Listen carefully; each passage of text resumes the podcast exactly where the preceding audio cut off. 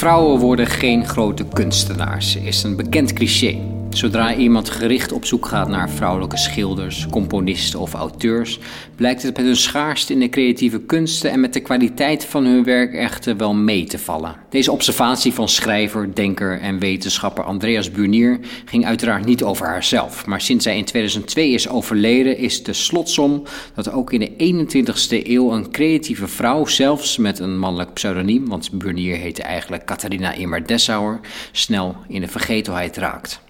Maar wie Bernier gaat lezen, stuit op een imposante berg aan indrukwekkende boeken, essays, interviews en standpunten. Zij was de uitzondering op alle gebieden. Haar levensverhaal is niet in één zin te vertellen. Je kan niet en dwarsdenker en trans en kunstenaar en romancier en lastpak en polemist en wetenschapper tegelijkertijd zijn. Ergens houdt het op dan ben je te ingewikkeld om nog herinnerd te worden. Het Amsterdamse cultuurcentrum De Bali organiseerde twee jaar geleden nog avonden over de wereld en de intellectuele nalatenschap van Andreas Burnier. Met directeur Juri Albrecht als moderator op een van deze avonden met allemaal leden van de zogenaamde Plato Club, een kring rondom Andreas Burnier waar Albrecht als jonge journalist deel van uitmaakte. En wat opvalt bij de opnames van deze avonden is dat haar werk als hoogleraar criminologie een voetnoot is en dat haar fictiewerk, haar belletrie zoals het zelf noemde, wel genoemd wordt, maar op enkele citaten, het benoemen van herkenbare biografische elementen en wat lovende zinnetjes na, vindt er geen inhoudelijke bespreking plaats. Ik vind het jongensuur wel heel erg mooi. Maar goed, dan ga ik meteen weer vroeging hebben dat ik niet uh, een tevreden lach noem.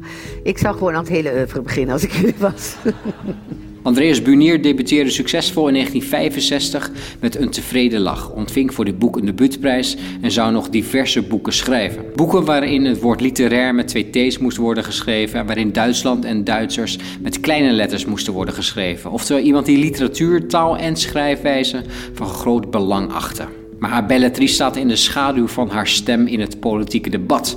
Als het gaat om homoseksualiteit, om feminisme, om haar kritische houding ten opzichte van abortus en euthanasie, haar ideeën over wetenschap en bewustzijn, over reïncarnatie.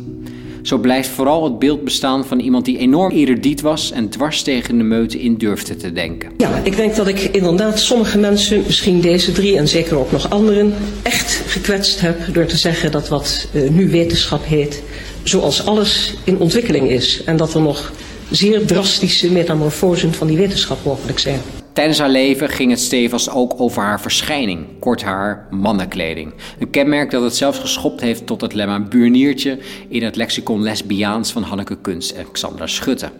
Dan gaat het om een jongensachtige lesbienne keurig in het pak gestoken. Uh, ik, ik, weet het niet. Ik vind uh, mannenkleren over het algemeen functioneler dan uh, vrouwenkleren. Je ziet dat kleding voor vrouwen wordt ontworpen door mannen die een hekel aan vrouwen hebben. Nu is de conclusie dat ze in de vergetelheid is geraakt misschien wat overdreven. De afgelopen jaren werden verschillende werken opnieuw uitgegeven door uitgeverij Atlas Contact. Waren er dus debatavonden en verscheen er een omvangrijke biografie van Elisabeth Lockhorn. Maar telkens wordt haar belletrie, haar fictiewerk, gebruikt om vooral de persoon en haar ideeën te duiden.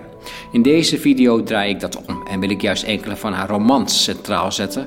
En laat ik daarvoor beginnen bij haar debuut. Ik werd jubelend ontvangen ja, op een, op een uh, anderhalve uh, christelijke recensent na die het uh, een heel vies boek vond.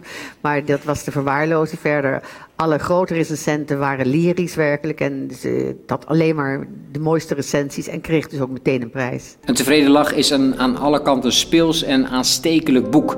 Een soort chaotische ontwikkelingsroman van hoofdpersoon Simone, die zich presenteert als mannelijke lesbische vrouw, die zich verkleedt als man, relaties aangaat, verschillende baantjes heeft, zich zelfs bij het leger aanmeldt en die vooral een enorm zelfbewustzijn tentoonspreidt in de zoektocht naar identiteit. Een vrouw kan, in tegenstelling tot de man, zich niet met haar aardse zijn identificeren. Voor een vrouw is geen plaats in de wereld, maar in de keuken, in bed en in de kerk. Er zijn geen vrouwelijke genieën, creatieve kunstvernieuwers, maatschappijhervormers die ten voorbeeld kunnen strekken. Als een vrouw iets presteert, vraagt men zich af waarom zij geen man heeft of haar tijd niet aan hem wijdt.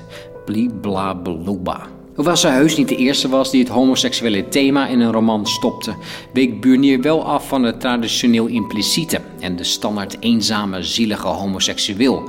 En ze toonde een lesbisch personage met een sterke levenslust in een existentiële zoektocht.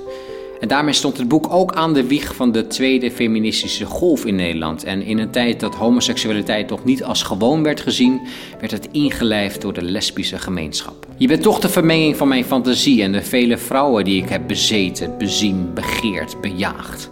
En zoals de goede dorpsdominee zijn satire en bohemienachtig tegenbeeld in zich draagt, ben jij wellicht het tegenbeeld van de vele karikaturale, neurotische, misvormde en verkrampte wezens waar ik mij, mijns ondanks, mee heb ingelaten. Wier lot ik meetorst tot het einde der dagen en waarvan jij, maagd, engel, meisje, blond hemelswezen vol zoetheid en overgave, de feestelijke verlossing bent. In een tevreden lach valt direct al in het eerste hoofdstuk op dat Bunier ook een duidelijk metafysische blik heeft op identiteit.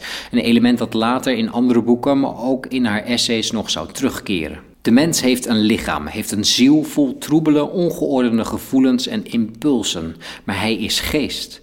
De jonge volwassene is ontwaakt in de lichamelijke wereld. Hij moet door de ziel heen en hij vindt zijn wezen dat geest is. Na het verschijnen van een verhalenbundel verscheen in 1969 het Jongensuur, dat Andreas Bunier haar meest autobiografische werk noemde en dat op hoogst unieke wijze de bezetting tijdens de Tweede Wereldoorlog koppelt aan gender en lichamelijkheid. De hoofdpersoon, die hier wederom Simone heet, is aan het begin van de Tweede Wereldoorlog 9 jaar oud. Een Joods meisje dat moet onderduiken op verschillende adressen. Punier draait de chronologie om, waardoor het boek begint met de bevrijding, maar wanneer Simone juist gevangen zit in een vrouwenlichaam, terwijl ze als kind er al van uitging dat ze een jongen kon zijn. Op haar eerste onderduikadres krijgt ze ook de ruimte om te zijn wie ze is. Toen ze mij lief uitlegde wat er later met grote meisjes gebeurde, berichtte ik dat het mijn voornemen was voor die tijd tot jongen te metamorfoseren. Daarna mocht ik soms in oude pluvoer en kniekousen van meneer Grunberg rondlopen. Als de mannenkleding slordig en scheef zat, zeiden ze: Zelfs een jongen moet zich netjes kleden, Simone. Dus ook in dit boek komt de travestie, of beter gezegd, de wens om een jongen te zijn terug. De titel van het boek is vernoemd naar het uur in het zwembad wanneer alleen de jongens mogen zwemmen. Wanneer Simone na de bevrijding stiekem zich tussen de jongens begeeft in het zwembad, wordt ze weggestuurd. Ze moet eruit, ze is een meisje, zei de dikste jongen. Je hoort het, zei de badmeester. Je moet eruit, we hebben nu jongensuur. Dat zag je toch? Vernederd kleed ik mij weer aan. De rotzakken. Deze eerste personages van Bunier ervaren frustraties door het beperkende keurslijf van de vooral vrouwelijke identiteit die ze krijgen opgedrongen wanneer ze ouder worden. Iets wat literatuurwetenschapper Maaike Meijer ook aanhaalt en aan de schrijver koppelt. Uh, dat ze zo woedend was over het feit dat ze een meisje was. Uh, en dat lees je natuurlijk ook in het jongensuur en in het tevreden lach. Uh, ik heb ook vaak het gevoel dat er in de onderduik ook ja, dat het leven van een meisje alleen natuurlijk zeer onveilig was. En ik denk dat ze gewoon of dat weet ik gewoon, dat ze wilde absoluut geen meisje zijn. In het jongensuur worden vrouwen als slachtoffer ook op één lijn gezet met de Joden. Vrouwen en Joden, dat is bijna hetzelfde, dacht ik. Ze kunnen niets terugdoen. Ze zijn altijd schuldig. In haar volgende roman, De Huilende Libertijn uit 1970, heeft de inmiddels in gang gezette feministische golf ook haar personages bereikt. Die zich niet zozeer druk maken om hun eigen identiteit, maar om de positie van de vrouw. Mannelijke recensenten zagen het boek als een agressief pamflet en betichten de schrijfster van mannenhaat. Feministen die op basis van die eerste boeken wellicht hoopten dat Punier een spreekbuis zou worden van de revolte, kwamen bedrogen uit. Want hoewel er een duidelijk feministisch geluid uit deze roman spreekt, is het wel een eigenzinnig eigen geluid waarin ook ruimte is voor negatieve tendensen en kanttekeningen. De 22-jarige Amsterdamse studente Jean Broekman aanvaardt in tegenstelling tot Puniers eerdere personages haar vrouw zijn volledig, ziet daarin geen beperkingen, maar ze wil wel de door mannen gedomineerde wereld bestrijden. Elites zijn onvermijdelijk in elke type samenleving. Maar wat interesseert mij de wisseling van elites als die toch steeds voor 90% of meer uit mannetjes blijken te bestaan? Ik zou een instituut moeten oprichten voor onderwijs aan bijzonder begaafde meisjes. Een ontwikkelingshulpprogramma voor het meest achtergebleven gebied van de wereld: de halve mensheid.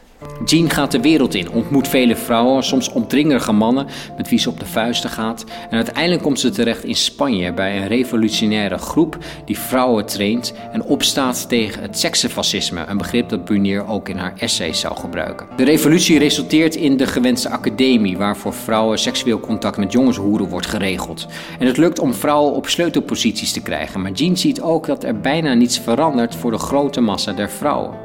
Zo bevat dit boek zowel de opstand als de uiteindelijke teleurstelling die het gevolg van zo'n feministische revolutie zou kunnen zijn. Maar honderd of duizend vrouwen op sleutelposities kunnen de revolutie nog niet maken, zolang de mannen het leger in handen hebben. Geweren, kanonnen, tanks, gevechtsvliegtuigen, traaggasbommen, kubiknuppels, raketten, al die dodende macht in penisvorm. De homoseksualiteit en de aandacht voor het lichamelijke in het werk van Burnier vertoont een duidelijke overeenkomst met tijdgenoot Gerard Reven. In de huilende libertijn zijn nog andere overeenkomsten te vinden, zoals stukjes brieven, de diverse minaressen van de hoofdpersoon, maar ook het religieuze aspect. Als de heersende klasse recht heeft op zijn mannengod met mannenhiërarchie en een onderdrukkende macht als gevolg, daar richt Jean zich tot een vrouwelijke god met haar dochter, de verlosser. Onze moeder, die alom aanwezig zijt, gij weet dat ik misschien bezweken ben voor de inblazingen van duivelinnen toen ik het voornemen opnam door de stichting ene geheime school uw aardse voor te bereiden op de komst van haar, die aan al onze vernederingen en kwellingen een einde zal maken, of, zo zij niet komt, hun het leven althans te verlichten. Deze hemelse moeder zou ook nog terugkeren in haar roman De Literaire Salon, waarin hoofdpersoon Radha terugkijkt op haar relaties met diverse vrouwen. Geen ode aan de vrouwenliefde, maar het triviale van een relatie tussen vrouwen met alledaagse negatieve momenten. Het ergste waren wel de ruzies en het uitpraten daarvan. Ze slurpte tijd en energie, maar vooral liefde. Na ieder conflict volgde een verzoening, maar ongemerkt steeds op een wat lager niveau. Kijk, voor mij is de centrale mythe in het werk van Andreas, dat zie ik eigenlijk op de achtergrond van alles. Dat is de terugkeer naar een verloren paradijs. Dat is uh, volgens mij haar hele sterke drijfveer. De literaire salon is een zoektocht. Het gaat over de zinloosheid van het leven en over een verlangen, een verloren iets. En dat begint al in de proloog, waarin een kind in een donkere salon wordt beschreven dat piano speelt die voorgeboortelijke hemelse herinneringen oproept, waarin ook reïncarnatie een rol speelt. Het kind is een volwassen geest gevangen in een kinderlichaam, zoals ook andere personages van Burnier gevangen zitten in een lichaam. Elk boek is een gevaar. Met deze dreunende eerste zin uit Een tevreden lach kwam Andreas Burnier de Nederlandse literatuur binnen. Ze introduceerde boeken als een gevaar dat de ziel in wil. En aan de hand van die ziel, de rol van een kind, het lichamelijke, de begrenzing en de rol van de vrouw, kunnen we verschillende lijnen trekken tussen de romans van Bunier. Qua symboliek etaleert de schrijfster een enorme belezenheid met verwijzingen naar bijvoorbeeld Spaanse dichters, de antroposofie en de filosofie. Je krijgt regelmatig het gevoel dat je niet elke verwijzing meekrijgt of dat de symboliek je ontgaat. Zeker in combinatie met de springerige verhaallijn, waarin locatie en tijd regelmatig onduidelijk zijn en Bunier zich ook beperkt tot situaties die langer dan drie pagina's duren.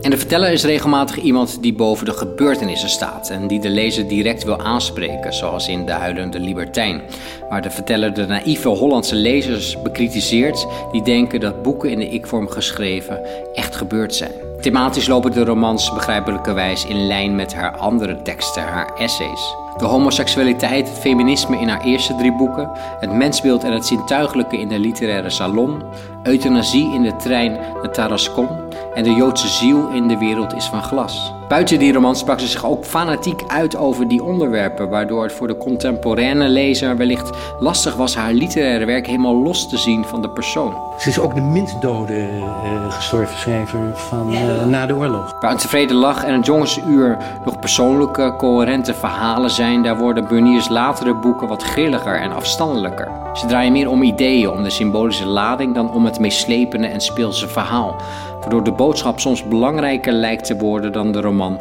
als kunstvorm. Tijdens haar leven werd ze als publiekfiguur steeds bekender, kreeg ze meer tegenstanders, waardoor het voor sommige recensenten aantoonbaar lastig werd de polemieken los te zien van haar fictie, iets wat Bunier zelf ook vaststelde in een lezing uit 1988. Op dit moment verkeren wij wat het puur literaire in de literaire kritiek betreft, mijns inziens, in zeer laag tij. Dit literair zelfportret geeft ze dan ook het advies om de maker en haar of zijn motieven buiten beschouwing te laten bij lezen van literatuur. Want, zo stelt ze, afwijkend gedrag en ideeën worden nog steeds door de starre en benepen hoeders van het gemiddelde in de ban gedaan. En die benepen hoeders kennen we helaas nog steeds. Maar laat je daardoor niet van de wijs brengen, zal Burnier er ongetwijfeld bij gedacht hebben. Zoals de ik-verteller Simone uit de tevreden lach concludeert dat ze verder wil. En dat dat, nadat ze haar afschuw heeft uitgesproken over het kleinzielige Nederland, desnoods maar in het sompige, verkrampte Holland moet. Als het niet anders kan dan in Holland, dan zal ik er doorheen gaan. Door nog twee studiejaren, door de blikken, het gezeik, de roddels, achterklap afgunst achter de horen. De jurk die je wel aan moet hebben bij bepaalde gelegenheden. Het, nou mijn man lust nog wel een borreltje op zijn tijd hoor, maar met mate natuurlijk. De pastoors, de dominees, de Hollandse radio, de Hollandse kranten, de hele stervensellende. Want eens achter die troep zal een nieuwe horizon opengaan. Een nieuwe zonwereld. Een nieuwe mensenwereld. Dan zal ik alles afgeboet hebben en weer gewoon mogen leven. Als een man. Als een mens.